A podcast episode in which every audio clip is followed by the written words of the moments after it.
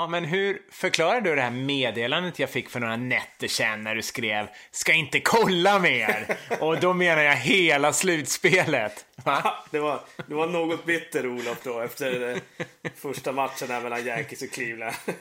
Just det. Det- Men det ordnade ju upp sig till slut. Ja, det gjorde För det. alla Yankees-fans. I natt så fullbordade Yankees den smått mirakulösa vändningen mot Cleveland genom att eh, ta femte avgörande matchen i Cleveland på Progressive Field. Ja, det var jäkligt starkt gjort faktiskt. Ja, och det trodde jag ju verkligen inte då. Om vi ska liksom försöka ta en liten recap av serien då så... Ja, Som- vi börjar väl från början. Ja, det gör vi väl. Game one då. Där eh, som vi hade sagt lite som en nyckelmatch eh, för Yankees. Ja. Just eftersom de satte sin, eh, sin eh, andra gubbe Trevor Bauer på kullen och satte in sin första snubbe Corey Kluber i andra matchen. Så var det här Yankees chans att kunna återvända till Bronx med 1-1 i matchen. Men det var ju ingen snack om saken, va? Eller hur? Nej, Trevor Bauer gjorde det ju superbra ju. Mm. Medans New York Yankees starter Sonny Gray väl inte var lika bra. Nej, han eh, fick tre, eh, tre innings och en out innan han rök. Och då så hade han släppt tre hits och tre runs och kastat fyra walks. Så han var inte i slutspelszonen direkt. Nej, vad hade Trevor Bauer för siffror? Ja, han hade faktiskt en no-hitter ända in i sjätte inningen tror jag. Och eh, efter sex och två tredjedels inning- innings-pitch då, så hade han släppt två hits bara och eh, noll earned runs, en walk och åtta strikeouts. Så att eh, han var stekhet och det var inte riktigt vad Yankees hade förväntat sig kanske tror jag. Jag vet inte. Nej, nej det hade de väl inte. Men det var ju också eh, en offensiv eh, från Indien som var ganska het också. Framförallt Jay Bruce va? Just det, right fielder Jay Bruce som eh, gick två för tre va? Hade tre RBI så jag tror han var inblandad i samtliga fyra runs för Indians. Okej. Eh, och sen så hade vi ju centerfielden Jason Kipney som kanske inte var så bra på, på plattan men eh, som gjorde en eh, monster catch ganska tidigt i matchen som eh, tror jag fick igång Cleveland lite grann. Eh, Så han eh, räddade ju en lead-off double där när, när eh, Cleveland ledde med 1-0. Men Ja, grym. Ja. ja, ingen snack om saken, vilka som var Nej. värda segern i den matchen. Nej, det var en bra start för Cleveland där och eh, sen, ja, dagen efter var det dags för match två ju och den blev ju, ja, väldigt speciell måste man ju säga. Ja, det får man ju säga. Det var ju en galen match eh, och Ja, kommer väl mest bli ihågkommen för eh, Skippen Joe Girardis lilla hjärnsläpp i, eh, var det sjunde inningen va, tror jag. Ja jag tror det. Men om vi tar game två från början då så Precis som vi pratade om förra avsnittet då så, så sa vi att Yankees för att komma åt Kluber vi trodde alla att man skulle liksom kunna göra speciellt många runs på honom. Men att man skulle försöka jobba upp hans pitch count så att de fick, tidigt fick gå till bullpen. Just det. Och eh, det gjorde de. Han hade ju faktiskt, eh, jag tror han hade 35 pitcher efter första inningen. Och 76 efter två och två tredjedelar då. Eh, Och då hade han faktiskt släppt eh, sex runs på den tiden. Eh, På, ja, på två och två tredjedels inningspitch. Det kan man jämföra med förra årets slutspel då han eh, hade sex starter och 34 innings och släppte sju earned runs. Ja, Eh, Absolut. Så han, hade, han kom inte med sitt A-game direkt. Och, eh, Nej. Han hade en gamescore på 14 tror jag, vilket är det näst sämsta eh, resultatet i hans eh, 163 matcher långa karriär som starter. ja, ja. Eh, och det var ju inte allt som hände. Det var ju liksom... Ja, vad var det? I, i botten 10 där. Eller allting börjar med att, att eh, Edwin Encarnacion... Eh, jag trodde han hade brutit foten. Det ser ut som den hängde och dinglade där men... Eh, det var ganska tidigt i matchen när han eh, skulle tillbaka till andra bas efter en lyra va? ja. Eller det var eh, en line drive som Didi Gregorius stod. Just det, och sen skulle han försöka hinna tillbaka till andra bas och eh, ja, Jag vet inte vad han gör. fastnar ju på basen. Ja, alltså, ja, foten viker sig ju totalt ju. Ja. Och han eh, slänger sig på marken i smärtor. Och eh, det här var också lite diskutabel eh, situation. För han var ju safe från början men hans skada gjorde ju att han släpper basen. Ja, han rullar liksom av i, i sina plågor. Ja. och då blir han ju taggad. Precis, och eh, mm. det här kom ju efter en eh, appeal då från Joe Girardi. Ja, för att domaren dömer ju inte out från början utan det är ju när Girardi vill att de ska börja videogranska situationen som de ser att han blir taggad när han inte har sin skadade fot då, eller någon fot på basen. Så att, mm. Precis, och där diskuterar vi om huruvida det var ja, sportsligt rätt eller inte. Men det var som jag läste någonstans att går det att utnyttja regeln så ska man göra det liksom. Jag tycker också det. Vad, fan, vad snackar vi om? Vi snackar ju om eh, alltså proffsidrott här tycker jag. Vad, vad, ska man inte liksom springa fullt om någon gör en error heller? Nej, exakt. Alltså, det... ah. Lite sådär. Jag tycker mm. Gerardi gjorde det rätt alltså. Men eh, ja. som vi var inne på så, så uh, fick ju Yankees då en smått sensationell 8-3 ledning med uh, ja. Corey Kluber som starter. Men, och allting såg ut att gå mot en promenadseger. Mm. Men vad hände sen? Ja, vad hände sen? Sen var det, vem var det? Det var väl Chisenhall va? Var det inte så? Det var Lonnie Chisenhall ja, som var uppe och hade två strikes mot sig. Mm, precis. Och eh, så när... Eh, ja, det var väl en... Ja, nästa kast så att säga så kom ju kastet på Lonnie Chisenhall. Trodde ju alla att, att det blev en hit by pitch, eller hur? Ja, exakt. Och det var ju, stod ju löpare på 1 och 2 eller 2 och 3, det vet jag inte. Men eh, Chisenhall fick ju gå till, till eh, första bas. Så baserna, För att det blev en hit by pitch ja. Ja, baserna blev laddade. Mm. Eh, det var två brända ska vi nämna också. Ja. Och eh, Gary Sanchez gör ganska tidigt eh, Joe Girardi uppmärksam på att, att den här träffade inte Laurie Chisenhall utan den här träffade slagträd. Slagträ. Och eftersom Eller egentligen ja, knoppen på slagträet alltså. Ja, precis det är ju svårt att se, men det är ju liksom under händerna. Om ni som inte såg matchen så tar ju bollen liksom på ja, den allra lägsta eller understa delen av slagträet ju. Exakt, och sen mm. direkt in i Sanchez handske. Ja. Vilket skulle ha lett till en foul tip och en mm. tredje strike, inningen över 8-3. Eh, men Girardi verkar inte lyssna på, eller han gör ju uppenbarligen inte det, på Sanchez. Och tar lite för lång tid Nej. på sig. Man har väl 30 sekunder på sig att apila. Jajamän. Och Girardi väljer att inte göra det. Och vad händer Nej. sen i nästa at-bat? Ja, två kast senare så slår ju Francisco Lindor en grand slam. Ja, helt sanslöst alltså. Ja. Eh, och det här var ju botten eh, sju, va, tror jag. Ja, precis. Så det blir ju åtta 8-7 där ju. Ja, så från att ha varit eh, eh, ja, besegrade så får ju helt mm. plötsligt Cleveland vittring och i åtta, botten 8 va, så kvitterar de. Ja. Till 8 lika och eh, matchen går till extra innings då. Eh, mm. Och där händer också grejer. Det var väl eh, eh, I botten 10 så får Chapman en boll som han kastar eh, mot första bas mot Greg Burden men kastar för högt. Just det. och så går det mot en stackars kameraman som eh, ja. håller upp handen så att bollen studsar ut. Yes. Eh, och då menar ju Joe Girardi på att bollen hamnade i spel igen. Men domarna mm. dömer fördel Cleveland så att det blev en, eh, en ground rule double då.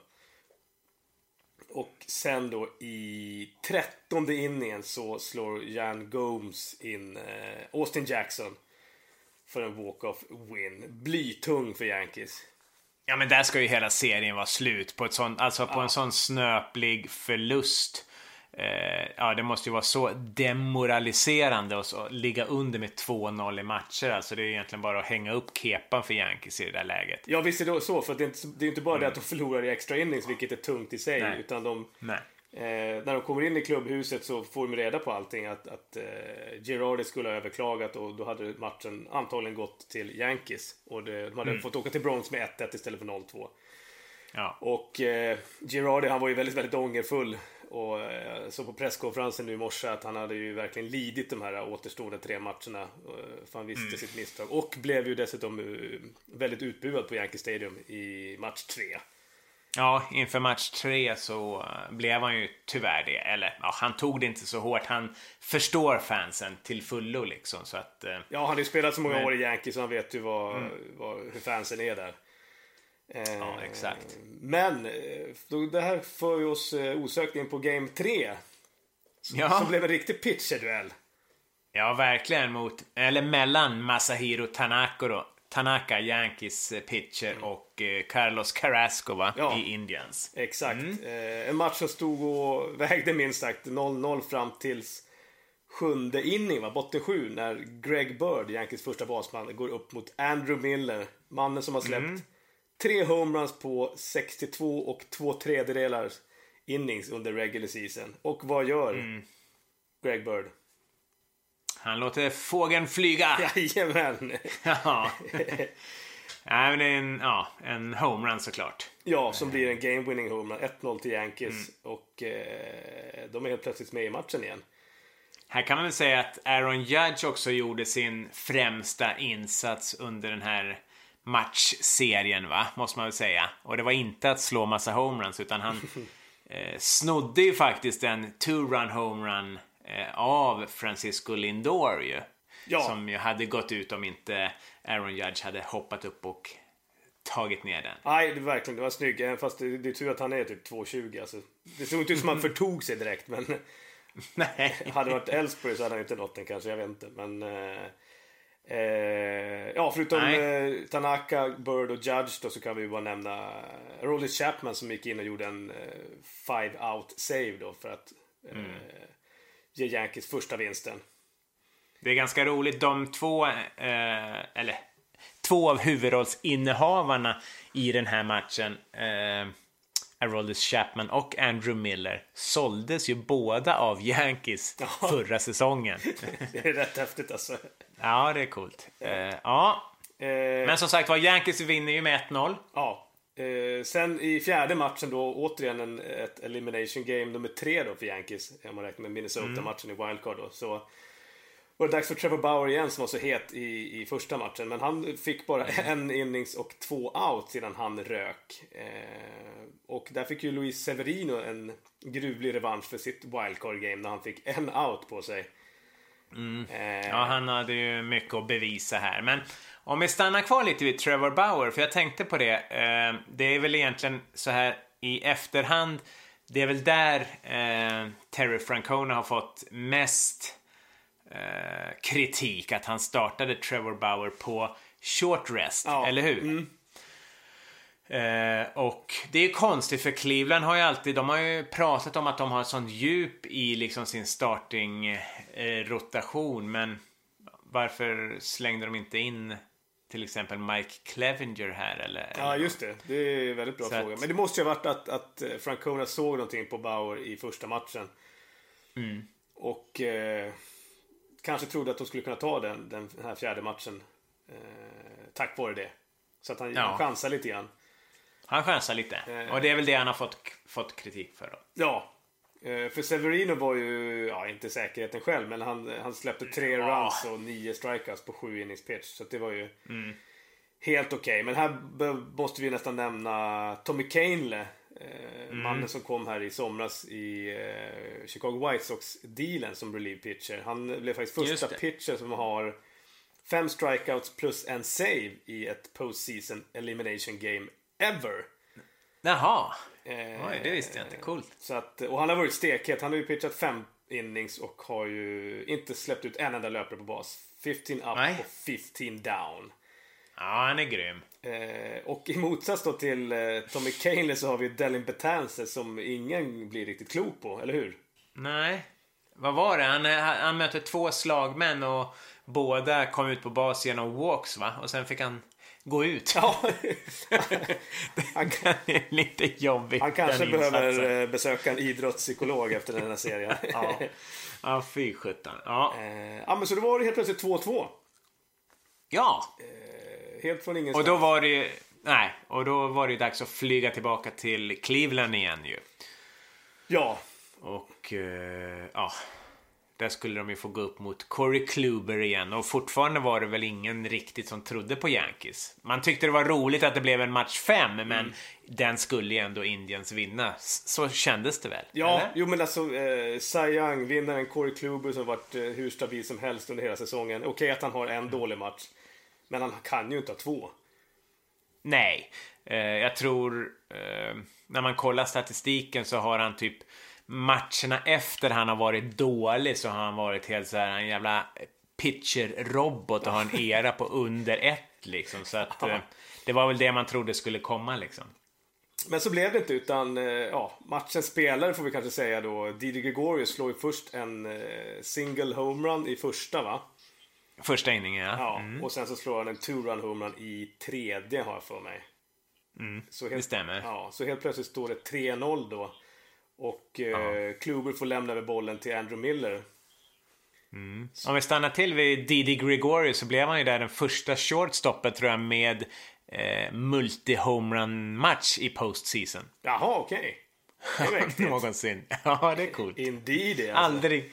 Jajamän, aldrig har en shortstop eh, slagit två stycken i en winner takes all match. Ska jag säga. Ja, ja, det är mm. coolt. Eh, ja. Om man då går över till Yankees starting pitcher, CC Sabathia, 37-åringen. Mm. Eh, han var ju, gjorde ett underbart jobb. Han var perfect faktiskt efter tre innings. Eh, släpper väl två runs i botten fem va? Och får lämna över bollen till David Robertson. Mm. Som... som kommer in i ett jävla jobbigt läge. Ja, och där eh, Didi Gregorius räddar både Cici och eh, David Robertson med ett eh, jävligt fint double play.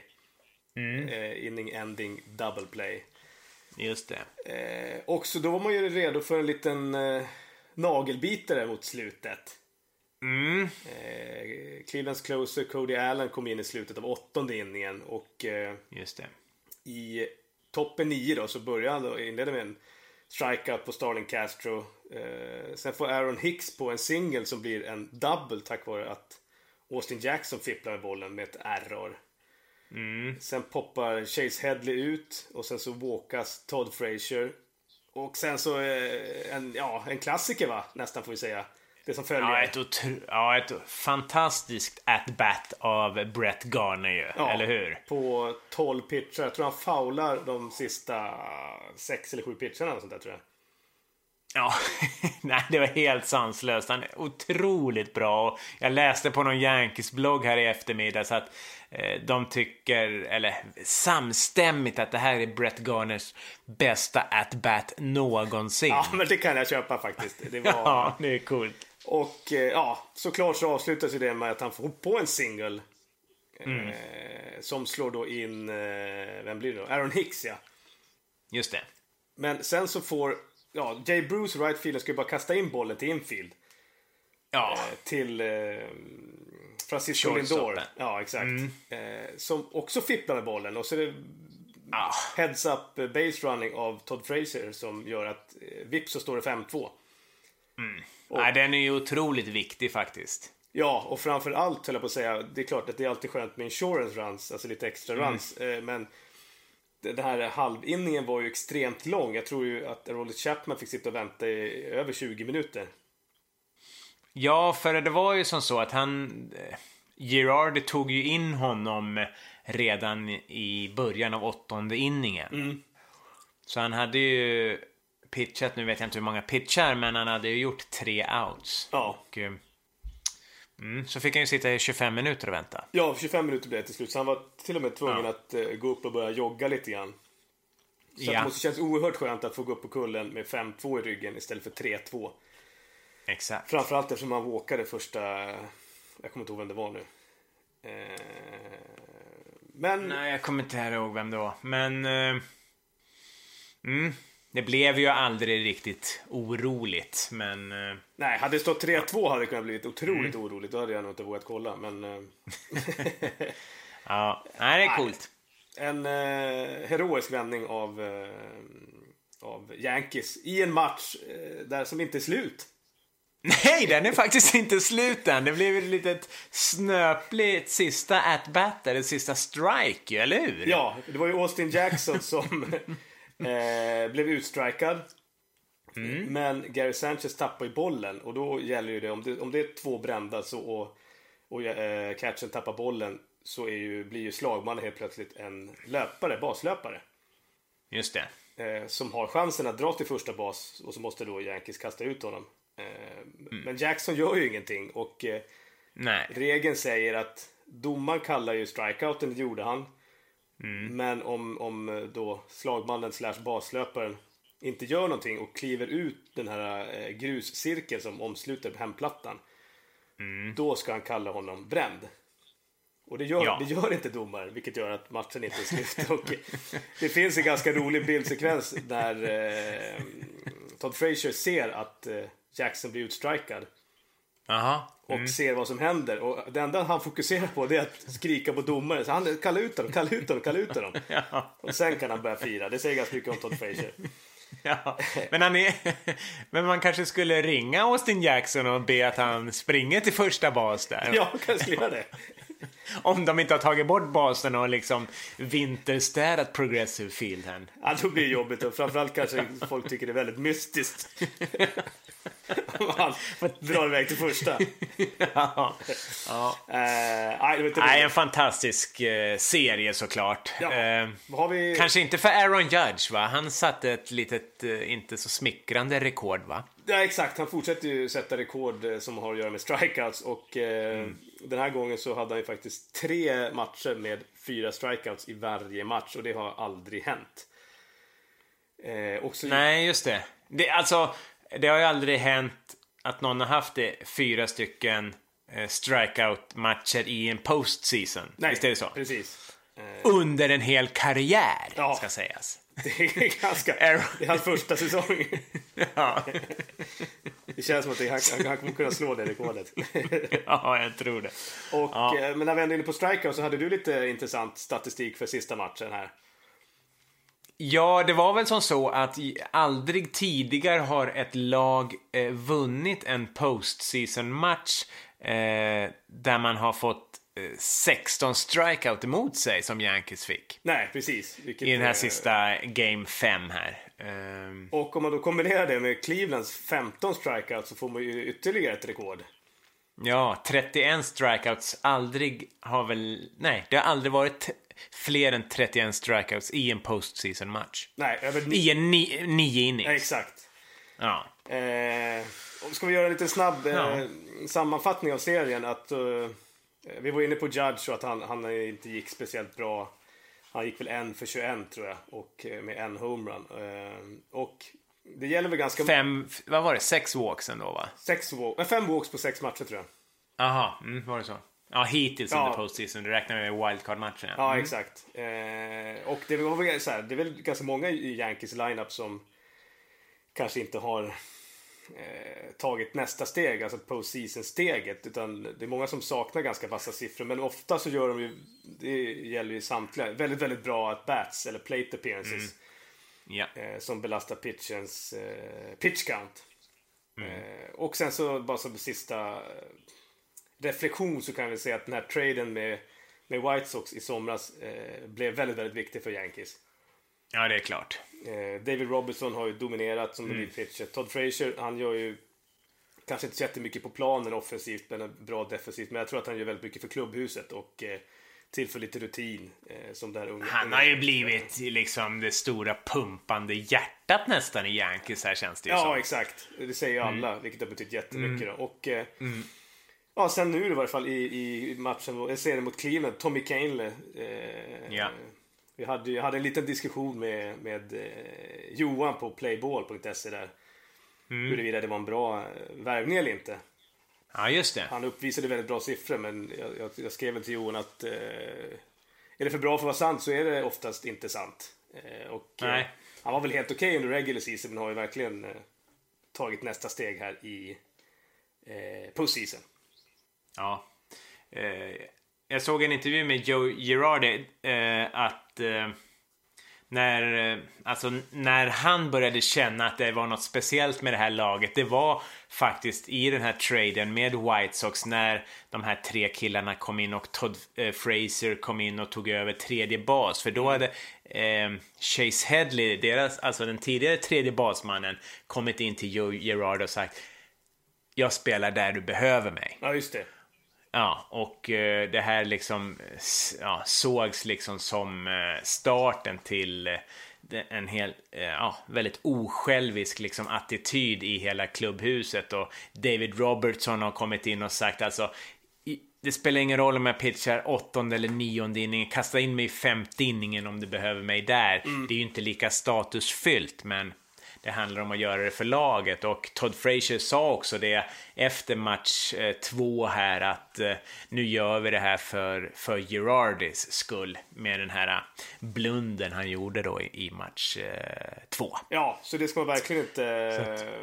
underskatta att de verkar ha otroligt god stämning i, i klubbhuset och Mm. Jag läste något citat, att de jobbar efter citatet att alla ska jobba för att alla ska bli bättre. Liksom.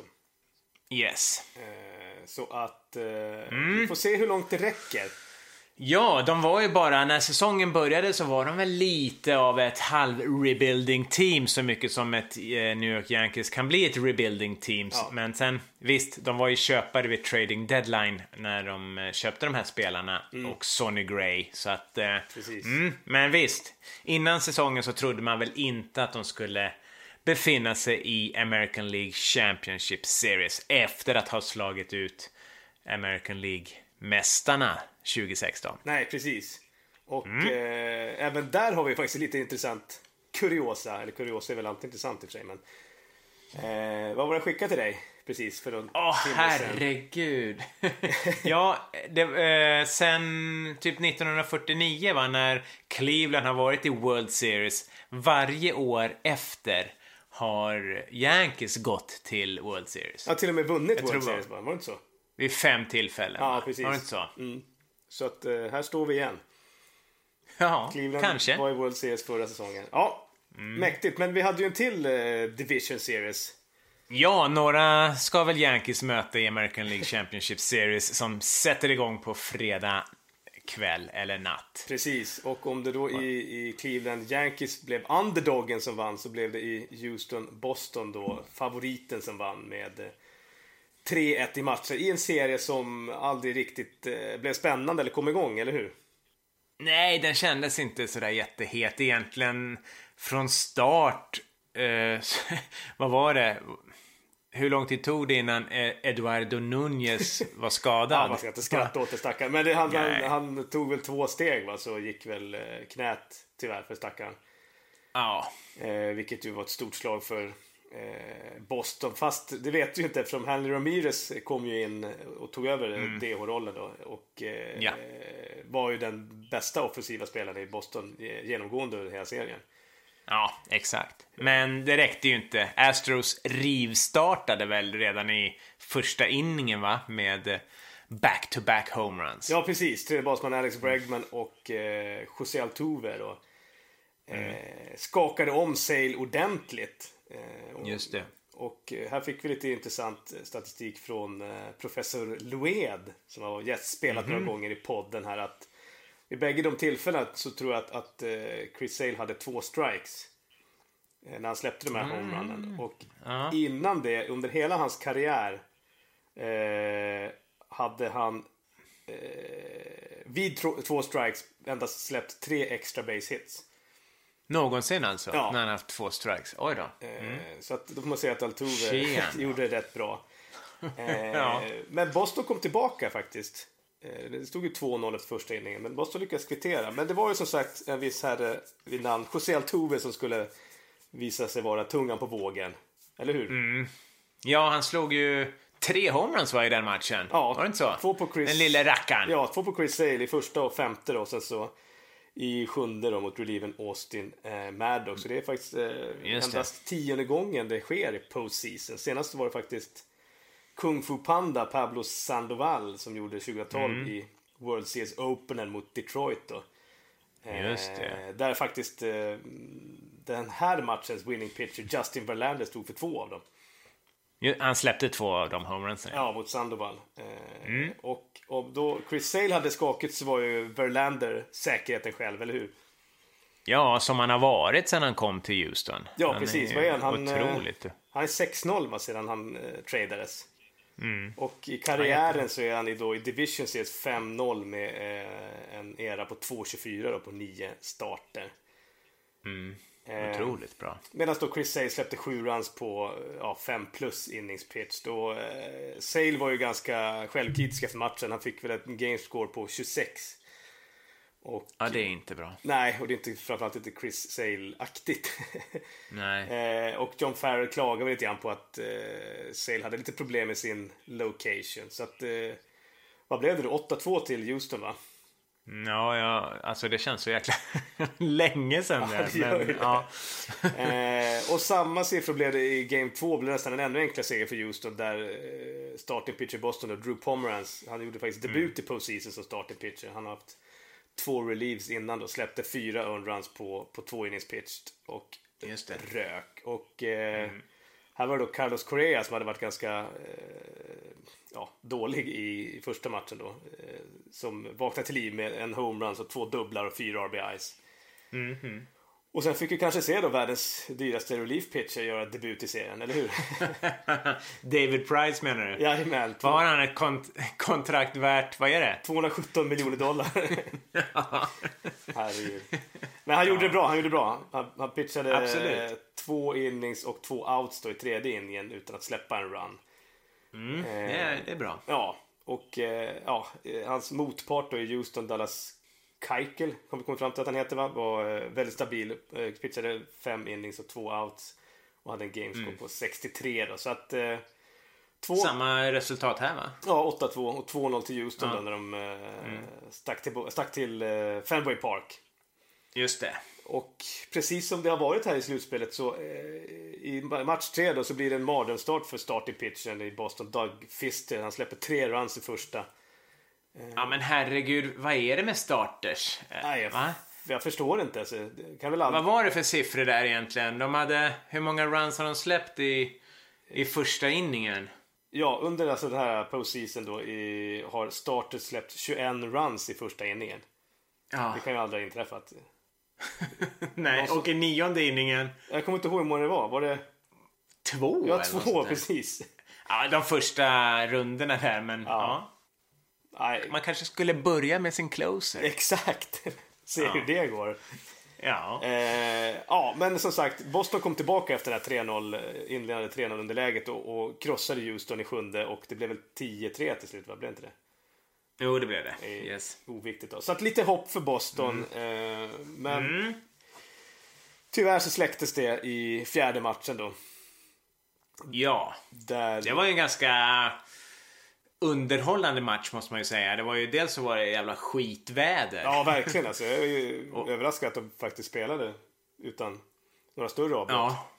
Nej men precis. Och eh, det var ju ganska spännande när eh, Boston slängde in Chris Sale ganska, ganska tidigt i matchen. Och sen så var det ju mäktigt att se när Justin Verlander började värma upp Ja. i, i bullpen faktiskt. Ja, Justin Verlander fick ju sin första relief i karriären. Ja, han har aldrig eh, relief-pitchat tidigare. Nej, Nej, det var väl bra att göra det i Game 4 i American League Division Series. Ja, Men det exakt. började sådär. Ja, det gjorde det ju. Han släppte ju en uh, two-run homerun ganska direkt, va? Ja. Mot uh, Benintendi var det, va? Ja, Eller? exakt. Första slagmannen släppte han two-run homerun. Men sen så höll han igen och eh, fick sin andra win. Den här... Ja, det också säger väl det mesta om den statistiken. Ja, faktiskt. Eh, Det var ju bara för att eh, Houstons offense räddade honom. Men han fick en win och Sale fick en loss då. Så att det blev samma vinnare och förlorare som i, i första matchen då. Fast den här gången så var de i form av relievers då.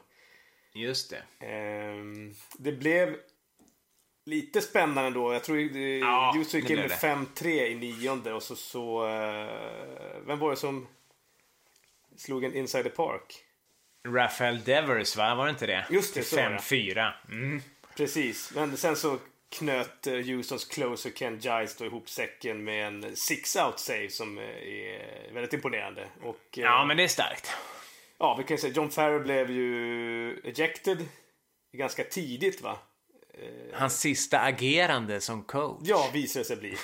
Visar, ja. Eh, det var först hade Jackie Bradley Jr blivit utstrikad på ett väldigt close call och sen så blev Pedroia det också på ett close call och Pedroia blev galen. Ja, det, det var ju inte strikes alltså. Det Nej. var helt sjuka calls där. Men och där, ja, där fick ju Farrell gå in och skydda Pedroia så inte han skulle bli utkastad. Så att han, han tog det.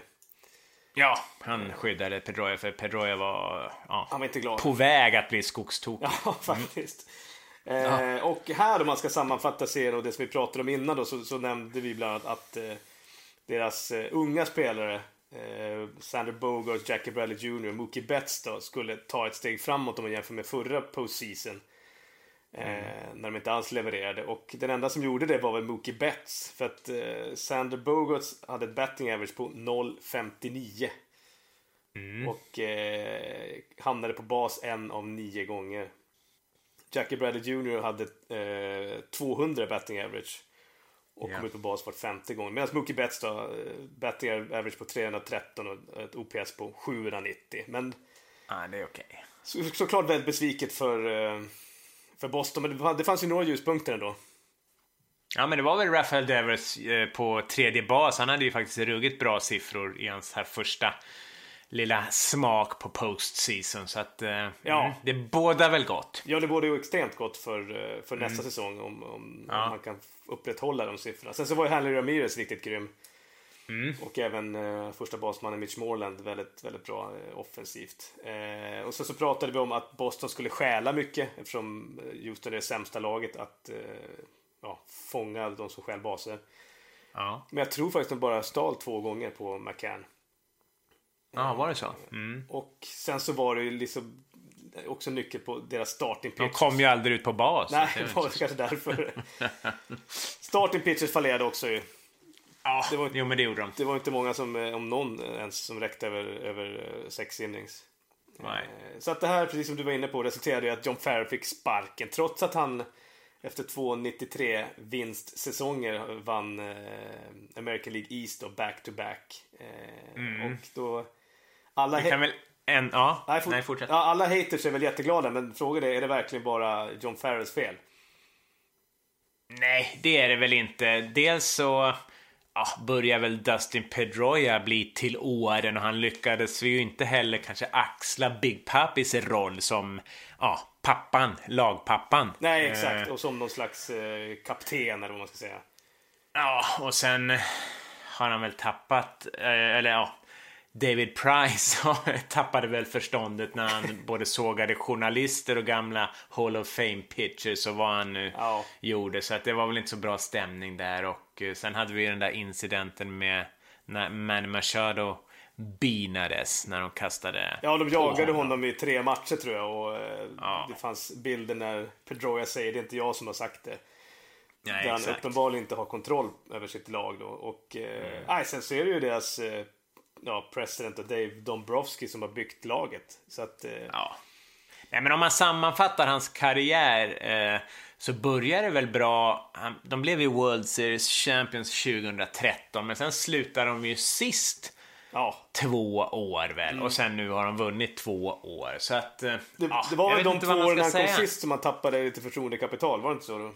Jo, men det måste man väl säga. Och eh, ja, det är kanske inte hans, bara hans fel då att... eh, För de var ju favorittippade innan säsongen. Kommer du ihåg det? När de hade värvat Chris Sale då sa ju... Ja, jag vet ju att vi var ute ganska tidigt och sa att det, det är liksom redan klart. Men ju längre säsongen har gått här så har de ju blivit mer... Ja, inte liksom de här favoriterna längre. Och, eh, men jag hörde Dave Dombrowski sa ju det också att eh, ibland behövs det bara förändring. Alltså det handlar kanske inte om att eh, John Farrell är sämre coach än någon Nej. annan. Men man behöver ha en, höra en ny röst liksom. Ja, och det är ju ändå han som har Mm. huvudansvaret. Och, Så att det är väl naturligt att han åker på, på däng. Eh, Men det Får här, se vart han hamnar. Mm. det här avsnittet heter ju Uppsnack va?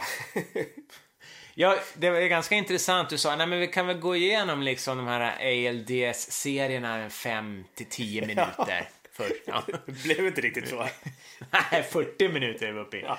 Det är gött. Nej, men delvis så handlar det väl, alltså när vi blickar tillbaka så handlar det väl också om att blicka framåt om man får vara lite filosofisk. Ja, där var det otroligt filosofiskt där på torsdagskvällskvisten. Jajamän. Men, eh, ja. Om vi ska börja titta lite framåt då, enbart. På Houston. Ja, det tycker Va, jag kan vad tror du om dem? Ja, de har ju gått från klarhet till klarhet. De följer lite grann i glömska här i slutet på säsongen. Alla snackade huruvida Dodgers skulle bli best team ever och, och huruvida eh, Cleveland Streak var den längsta ever. Eh, Just det. Smög lite grann i skymundan och ja, Ja, för i början, halva säsongen, då handlar det ju eh, bara om Houston Astros. Kommer du ihåg det? ja, de Alltså- var ju så överlägsna så det inte var sant. Nej, exakt. Eh, och som vi var inne på förra avsnittet, deras offensiv är ju galet bra. Men det finns lite intressant statistik som visar på att de, de, liksom, de spelar inte huvudlöst och svingar på allt. Utan en tredjedel av matcherna under regular season så strikar de faktiskt ut sex gånger eller färre. Vilket är imponerande. Oj, Och sex av deras starters connectar 80% av gångerna då de svingar. Det är, jag vet inte vad Aaron Judges eh, procentsats är på den. Är den fem, Ja, så- fem ja. kanske. 5 procent. Ja. Eh, och Houston är faktiskt eh, endast det tredje laget på 100 år som vann ligan i slugging men som eh, ja, låg, slutade sist då det gäller antal strikeouts. ja, de hade minst antal då menar. Ja, exakt. Eh, Ja, okej. Mm. Och tittar man på deras pitching så är deras starting rotation väldigt, väldigt bra. Framförallt eftersom, efter de addade Justin Verlander. Mm. Eh, men det är deras bullpen kanske som är deras weak spot. Eh, Ja. Eller hur? Jo, men det är det väl. Även om de har han, vad heter han, Chris Devensky, va? Ja, exakt. Eller? Precis. Eh, har ju gjort det väldigt bra. Men... Eh, Devensky Ja. och Giles är ju en bra backend att kunna eh, förlita sig på de sista inningarna. Men om man säger ja, i jämförelse med, med Yankees så är det ju en stor skillnad där. Ja, visst är det så. Såklart. Mm. Och om vi nu tittar, nu tittar jag på, på postseason bara, de här siffrorna. Det är ju väldigt, väldigt liten sample size. Eh, Ja. Men det ger ju kanske en indikation på vilka spelare som, är- som är heta och inte heta. Liksom. Så, tittar man på Houston så har de fem spelare med ett batting average på 375 eller bättre. Medan Yankees bara har två spelare som är över 300. Eh, Aha, okej. Fyra Houston-spelare har ett OPS över 1100. Eh, Yankees har en. Och sen så har Houston sex spelare med ett slugging över 600 och där har också Houston en. Okej. Eh, men som sagt, om man tar bort Severinos outing mot Minnesota där han eh, hade en era på 81 så ser det ju faktiskt Ja. ganska jämnt ut. Då. Men som du sa, en fördel Yankees vad gäller bullpen då. Ja, det måste man ju säga. Den funkar ju klockrent förutom då Dellen Betances då kanske. Ja, exakt. Den är ju otroligt djup ändå. Mm. Eh, men om vi ska liksom gå hur det har sett ut under säsongen då. Vad har du där att ge oss? Ja, de har väl mötts, vad är det, sju gånger va? Ja, precis. Där har väl eh, Astros dominerat rätt rejält och vunnit fem av de mötena. Eh, om jag minns rätt. Eh, Ja, precis. Och, men det har varit ganska jämnt i poäng då på sju matcher. 43-41. Men jag tror att, också som vi var inne på förra avsnittet, det har varit blowout wins för Yankees. De matcherna de har vunnit har de vunnit med väldigt, väldigt många poäng då. Just det, jag tror de gjorde så här 13-4 i någon match och liknande. Så att, Exakt. Mm. Och om man tittar på spelare som trivs mot Yankees så är det ju Carlos Correa. Eh, Mm. Okej. Han är ju 500, 14 hits på 28 at bats då med humrans, 10 Oj. RBI. Det är ju rätt Ja. bra. Julie Gurriel 9 för 22 med två homeruns. Mm. Eh, och sen så har vi även Gattis, Josh Reddick och George Springer som alla ligger på eller strax över 300. Då. Okej. Eh, I Yankees är det Brett Gardner som har 429 batting average som Houston får se upp, upp med och så Gary Sanchez 300. Men Aaron Judge han har 273 batting average och endast en homerun på, på sju matcher. Då. Fast 273 är bra för, han, För ja, Judge. vad han. Ja, det är jättebra faktiskt. Eh, tittar man på starters då så har eh, Sonny Gray eh, på nio starter 4-3 då i win-loss. En era på 309, det är helt okej. Ja. CC är 2-1 på tre starter men är nere på 4-15 och eh, Oros tecknet är väl eh, Masahiro Tanaka som har krossats i år av Houston. Eh, han släppt 8 runs på en och två tredjedels innings. Aj då. Ja. Eh, Och det tror jag faktiskt var på hemmaplan. Vi kommer lite till det, men... men eh, mm. och, Intressant. Eh, ja, tittar man på, på Houston starting pitchers då så är Dallas Keuchel, han är 5-2 eh, med 1,24 då på sju starter. Totalt mot Ja. Yankees, inte under säsongen då.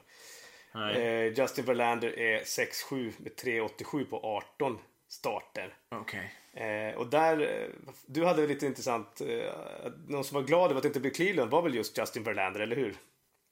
Ja, om man tittar på, alltså om man bryter ner hans earned run average, alltså Justin Verlanders, mot alla lag, så skiljer sig Cleveland Indians otroligt mot resten av lagen. Alltså han har typ åtta i era mot Cleveland och sen ligger han runt mellan två och ja, högst fem, men mellan två och fyra mot alla andra lag. Ja, det är helt sanslöst. Jag undrar hur, vad, Ja. vad det kommer, hur det kommer sig. Alltså. ja. Ja, men så här blir nyckeln för Dallas Keuchel i alla fall, home field advantage. För att han är ju bättre hemma. Han är nere på 2.26 eh, på Minute Maid Park och 3.53 on the road. Just det. Och eh, han får två starts mot ett lag som han trivs att spela med. Eh, Houston föredrar Yankees som har haft lättare mot. Och eh, ja, Yankees nyckel är väl att få igång Aaron Judge eller bänka honom. Eller hur? Ja, det tror jag inte kommer ske. Nej. Men jag tror att de kommer... Eh, ja, de måste absolut få igång honom. För han har som sagt ju. 16 strikeouts på 6 matcher, 125 i batting average, en homerun och bara 5 walks. Mm. Vi kommer till, till pitchers kanske lite längre fram, men det som är intressant att titta på de här sju matcherna de har mötts. Eh, då sa vi att Yankees har vunnit två av dem. Mm. Och då kan man ju börja tänka, vem har varit winning pitcher i de här då? Det. Eh, det är ju bra att titta på, för då kanske man får en indikation på vilka som kan vinna igen. Men Mm. det är faktiskt Adam Warren och eh, Michael Pineda som har vunnit mot Houston i år. Ah, och Michael Oj. Pineda, han eh, vad heter det, återhämtar sig efter en Tommy John. Ja, exakt. Och Adam Warren befinner sig väl i... Ja, han, han är väl en relief pitcher helt enkelt. Eh, och jag vet inte om han ens har fått plats på postseason roster. Men Nej, inte jag heller faktiskt. Eh, oavsett så eh, tilltänkta starters har alltså ingen win mot eh, Houston i år. Nej, så att visst ser det tuff, tufft ut. Men tittar man på traditionen så är det fördel Yankees. För att eh, de har ju, det här blir deras eh, 16 tror jag, League Championship Series, vilket är flest av alla lag. Nej. Eh, Houston har aldrig vunnit World Series sen de introducerades 1962. Vart i World Series Nej. en gång 2005 de blev, då de blev svepta av Detroit. Eh, Yankees har 27 World Series-vinster. Just det.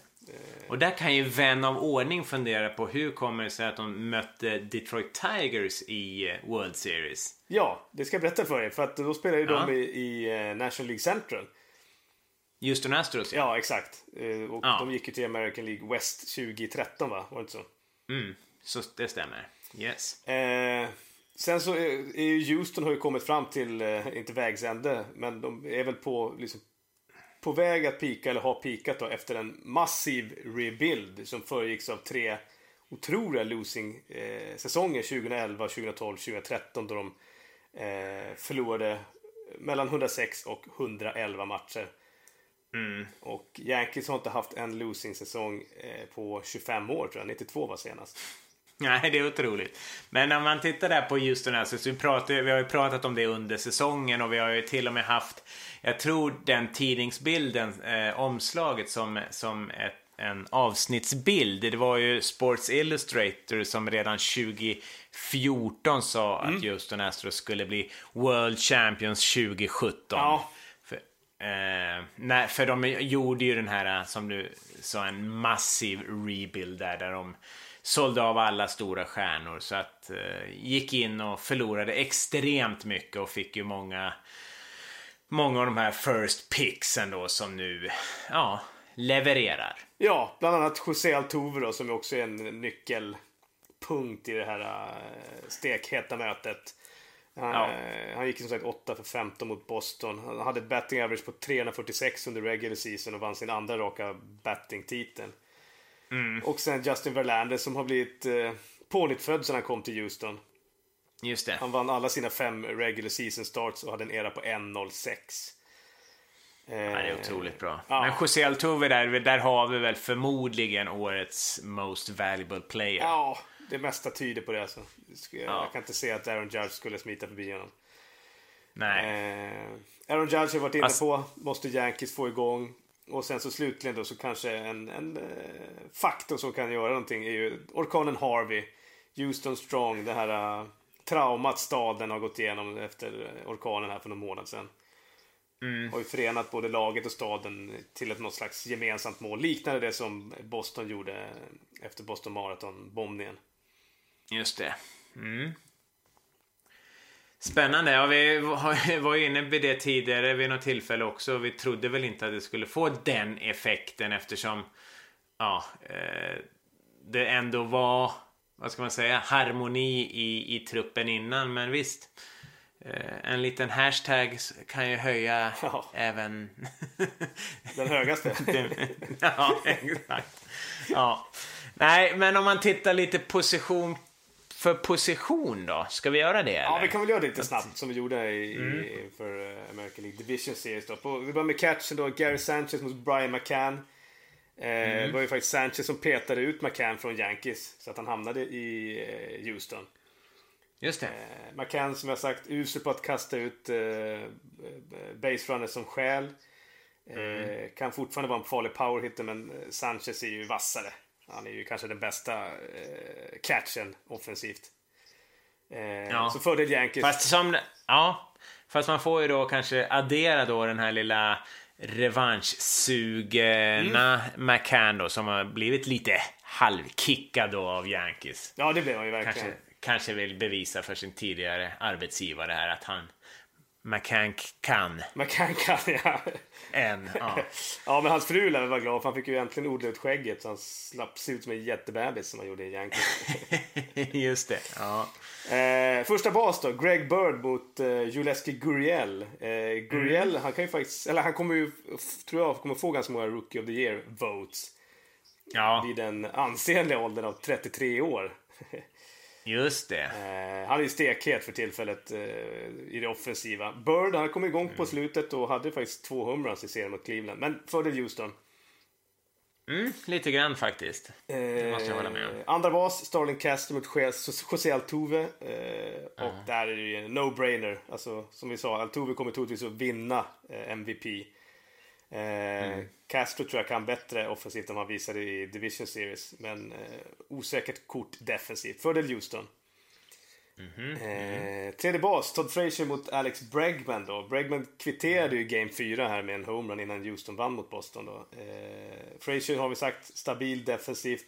Kan ibland få ihop lite power men oerhört viktig för omklädningsrummet. Eh, men fördel mm. Houston. Så att det ser ut som att bli en walk in the park för Houston. Vad säger du? ja, men vi pratade också där om liksom klubbhushjärtat och det där. Den, den faktorn med Todd Fraser. Visst, alltså enskilt bara om man jämför tredje bas mot tredje bas där så är det väl fördel Houston igen. Men mm. Eh, vi går vidare till shortstop. Didi Gregorius mot Carlos Correa. Och eh, ja, jag kan ju bara säga att i, i de här ja, head to head eh, positionsmässigt och så har jag gått eh, i postseason enbart nästan. Eh, okay. Så där ger jag faktiskt fördel Yankees. Korea är ju oerhört talangfull. Men det känns som att Didi är snäppet vassare med eh, tre homeruns mot två för Korea. Och mm. i övrigt också något eh, vassare offensiva siffror. Dessutom så hade han som vi nämnde ett eh, otroligt fint double play mot Cleveland i, i femte matchen där som visar på hans defensiva kvaliteter också. Ja, men det känns ju som att han har axlat lite Derek Jeters liksom roll här som captain eh, of the infield kallas han ju faktiskt också av Joe Girardi nu. Så att mm. Eh, mm, han är ju otroligt viktig tror jag för dagens Yankees. Ja, och trots att han är så pass ung så är han fortfarande sin tredje säsong. Vad var det du skrev? Mm. För två säsonger sedan var han den enda spelaren i Yankees under 30 år va? ja, det är lite ändring nu. nu är han liksom lite av en lagpappa. Ja, exakt. Mm. Eh, om vi går på left field då. Brett Gardner mot Marvin Gonzalez. Så tycker jag att mm. Yankees... Jag är kanske lite färgad av, av uh, Gardners at bat här från igår. Med lite fördel Yankees då eh, eftersom han var så otroligt het mot Cody Allen. Eh... Jo, men där ser man väl också vilken eh, position i slagordningen de har. Vilken mm. liksom kvalitet de har och vilken status i laget och, och påverkan. Så att där, den vinner väl Yankees Ja, jag tycker också eller? det. Alltså, Gonzales mm. över en säsong är kanske en bättre spelare, men jag tycker Brett är stekhet för tillfället. Och mm. kanske får sin andra Gold Glove när säsongen är över. Eh, ah, coolt. Centerfield, Aaron Hicks mot George Springer. Där blir fördel Houston. Springer har ju varit eh, grym vid plattan. Hicks har varit helt okej okay, alltså. Men eh, mm. Hicks har en riktigt giftig arm som han kanske kan få visa upp här i eh, mm. League Championship Series. Mm. Sen rightfield då. Återigen, det här är ju postseason. Aaron Judge mot Josh Reddick. Eh, jämför man deras siffror i, i American League Division Series så fattar man att Judge måste ju göra någonting för att eh, börja leverera offensivt. Eh, ja. Just nu är han ju mil ifrån vad Reddick uppvisar. DH eh, Chase Headley mot Evan Gattis. Men om vi stannar där. Alltså ja. Reddick, ja, Judge. Ja, men det är klart. Fast om du skulle bygga ett lag, vem skulle du välja då på right field? Ja, men då skulle jag nog välja Aaron Judge, tror jag. Ja. Mm. Definitivt. Yes. Eh, DH då, Chase Headley mot Evan Gattis. Eh, mm. Girardi körde ju lite platoon med Chase Headley, Jacoby Ellsbury. Men det gjorde inte många speciellt glada i Division Series. Eh, Nej, verkligen. Om nu Gattis kan hitta ett flyt, eh, vilket han faktiskt hade i, mot Boston, så, så blir han livsfarlig i en eh, Houston lineup som är redan ganska djup. Mm, mm. Eh, sen rotationen då. Eh, mm, spännande. Där väljer jag Houston. Eh, om, om Sonny Gray kan komma igång och Yankees kan fortsätta jobba pitch count som man gjorde mot Cleveland. Mm. Och samtidigt få igång slagträna mot eh, Keikel och Verlander så kan New York få övertaget tack vare Ceesay och Luis Severino om han bara kan vara jämn och så om Tanaka då kan eh, hålla i sig. Men som det ser ut nu så är det Houston som har fördel. Vad säger du? Ja, jag skulle nog hålla Yankees där som, som, eh, som lite favoriter där. Eller lite litet plus. Mm. Jag tycker att Sonny Gray och Ja, ska vi säga att CC Sabathia är deras tredje, är ju starkare kort än Charlie Morton och Brad Peacock. Så är det ju. Uh, Men de är ju så ojämna. Ja. Det är samma som med Tanaka. Tanaka kan ju ha en dålig dag, då släpper han åtta runs. Ja, nej men absolut. Uh, men att ha den minst ja, impressive uh, pitchen i, i Sonny Gray då, det, det skulle jag nästan köpa varje okay, dag i, veckan. En liten bara Masahiro Tanaka, han är ju, gör ju inte sådär jättevåldsamma liksom saker. Alltså han verkar ju ganska timid, ja. måste man ju säga. Men jag såg han i bakgrunden på lite intervjuer där i, i, i klubbhuset nu när de skakade. Han duschade i öl. Alltså, gjorde han det? oj, oj, oj. Han höll nog tre ölflaskor. Vet du vad det var för öl förresten? Kan det ha varit en iskall flaska Budweiser? King of beers. King of beers. Jajamän, men, även för Masahiro Tanaka. Ja, men en tre Budweiser, det är väl en fem dagars fylla för honom, är det inte det? mycket troligt faktiskt. Ja, Bullpen är inte så mycket ord om. Det har vi redan varit inne på. Det är Yank stor fördel Yankees. Även fast som sagt Houstons backen med Ken Giles och Chris Devensky vill man ju gärna undvika. Då. Mm. Eh, bänken känns som att Houston vinner. De har Cameron Mabin som har stal 33 baser. Eh, Carlos Beltran, Evan Gattis har både power och rutin. Tittar man mm. på Yankees, Torreyes största styrka kanske är defensiva snarare än offensiva och eh, Ellsbury och Holiday är liksom inga som man skräms av för tillfället tycker jag. Eh, managers, ja vad ska man säga, lika. Gerardi höll på att eh, coacha ut Yankees för inte så länge sedan och sen så coachade han in dem till Championship Series. Och AJ Hinch kanske har lite mer av ett självspelande piano. Men han blev faktiskt runner-up i Manager of the Year 2015 så att jämnt mm. skägg. Ja, jämnt skägg, absolut. Och sen så då vad man ska benämna det här, alltså... Ja, an, övriga saker då, och som man kan säga då att eh, mm. som ger Yankees en fördel. Att de är unga, de har ett otroligt eh, sammansvetsat klubbhus. Eh, Medan Astros då har väldigt många clutch hitters och eh, har hela Houston stad bakom sig just efter den här Harvey-orkanen. Och så får vi inte glömma att de precis har vänt 0-2 underläge till vinst här mot American League Champions förra året. Ja, det stämmer. Så att Yankees, eh, mm. om vi ska avsluta då med litet AO för både Yankees och Astros.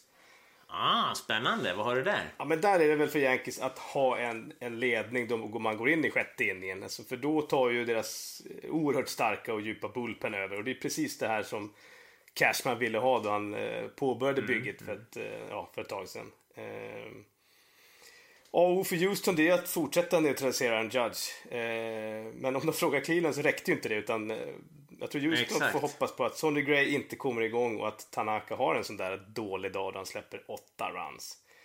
Mm. Eh, och sen så blir det väl en riktig hmm. powerkamp där vi har Astros fastball hitters mot Yankees fastball pitchers. Där Astros faktiskt är eh, bäst i majors att slå mot eh, fastballs.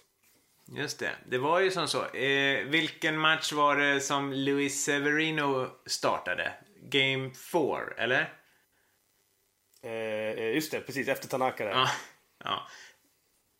Yankees pitchers, alla pitchers, kastade inte en fastball som var lösare än 96 miles per hour. Tjena!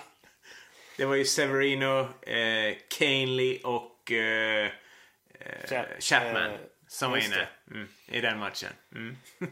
Lite... Så att det går fort. Ja, det är flames på de mm. bollarna. Eh, ja. Sen, om vi ska då verkligen avsluta genom att försöka... det tycker jag inte. Vi pratar fram till matchstart. ja, det kan vi fan göra. ja. Vi går ut live på Instagram. Ja, eh, jajamän. Pitching matchups är ju väldigt, väldigt svårt att säga om.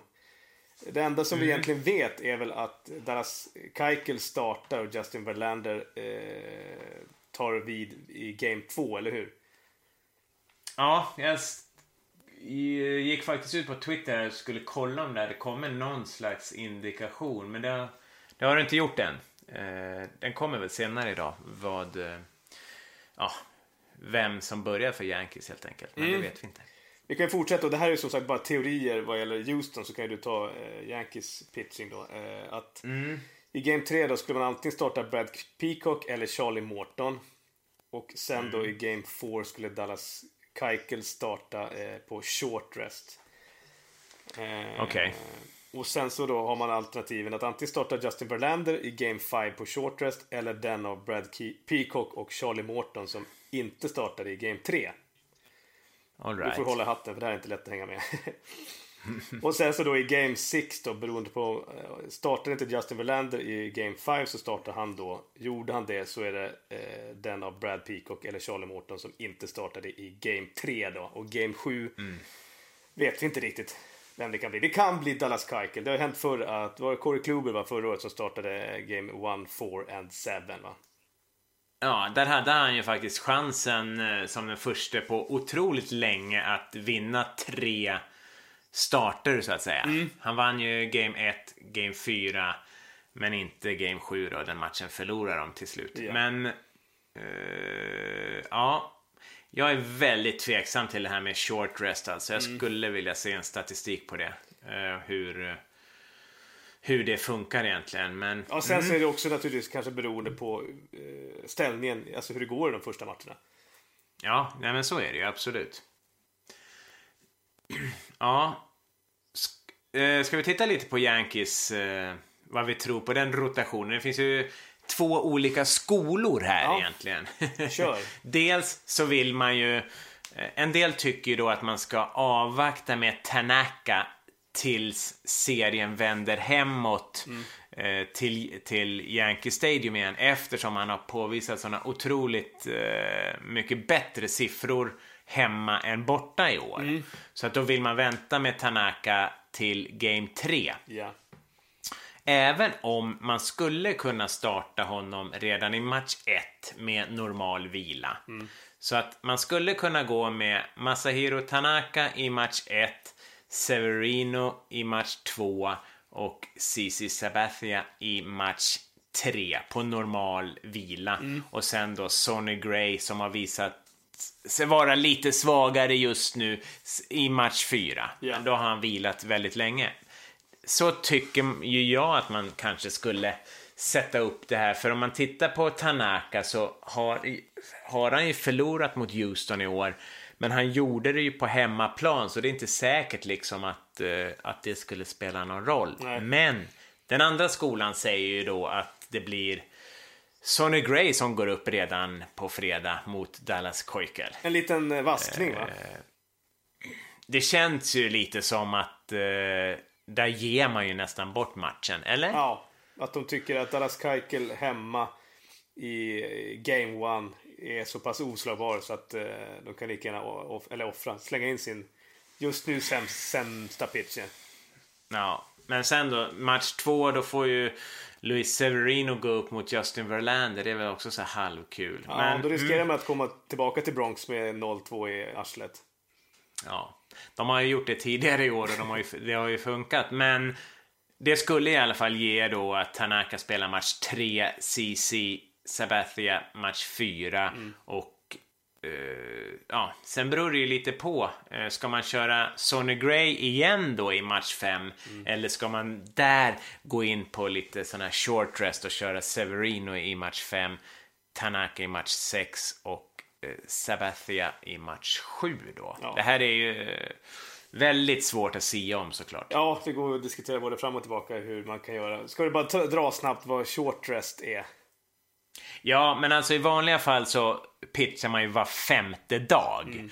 Uh, man har ju en rotation på fem spelare. I slutspel så har man oftast en rotation bara på fyra spelare. Ja. Men det är ju för att man har resdag mellan match två och tre och mellan match fem och sex. Mm. Så att uh, då funkar det att ha en rotation bara med fyra spelare. Men när man går ner och kör på så, så, kallad short rest, då rullar man runt på bara tre starting pitchers. Just det. Eh, och eh, ja, det är ju... Vissa tycker att det är bra, vissa... Som vi såg, Trevor Bauer han, kunde ju inte hantera det.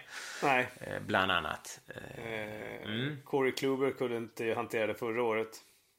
Nej. I sista matchen då för sig. Men, eh... Nej, exakt. Men det beror ju också på om man blir utbytt tidigare eller hur man tänker. Ja. ja, vi, kanske börjar, vi kanske börjar den här pitchen men han är bara tänkt att pitcha 3-4 innings. Mm, precis.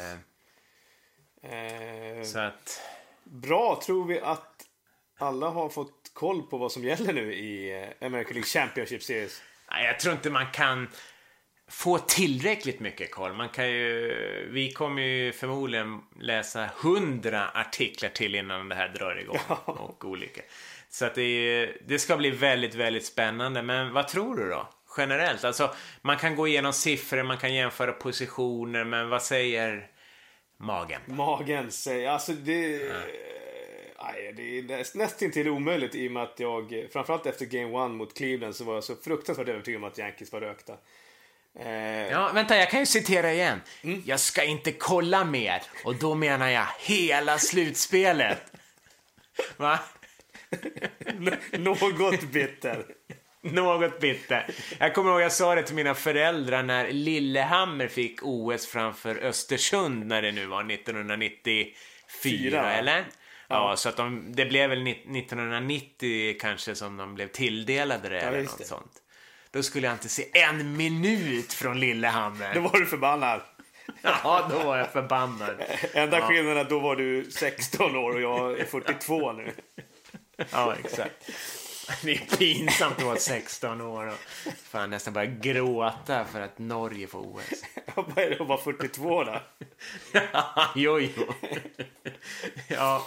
Ja, herregud. Yes. Nej, men så att mm. Eh, just det här med att, att eh, man var övertygad om att Corey Kluber skulle generera två vinster. Mm. Eh, det blev två förluster.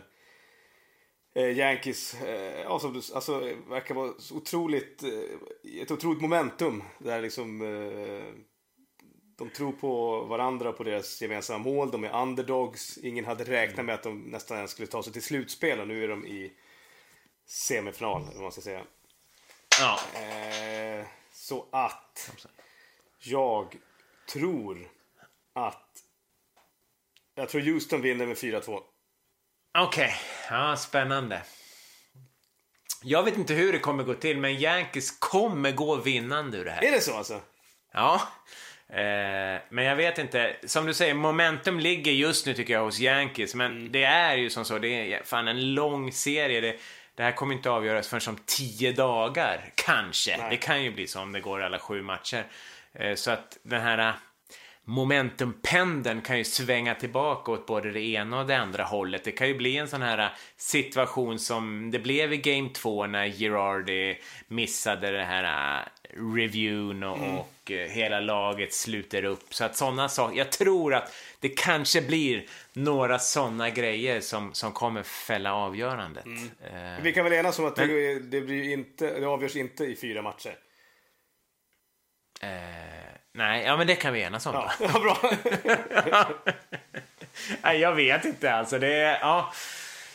Det, nu känns det bara som att Yankees på något sätt bara ska fram till en final mot Dodgers, säger jag. Ja, det är ju våran eh, interna drömfinal.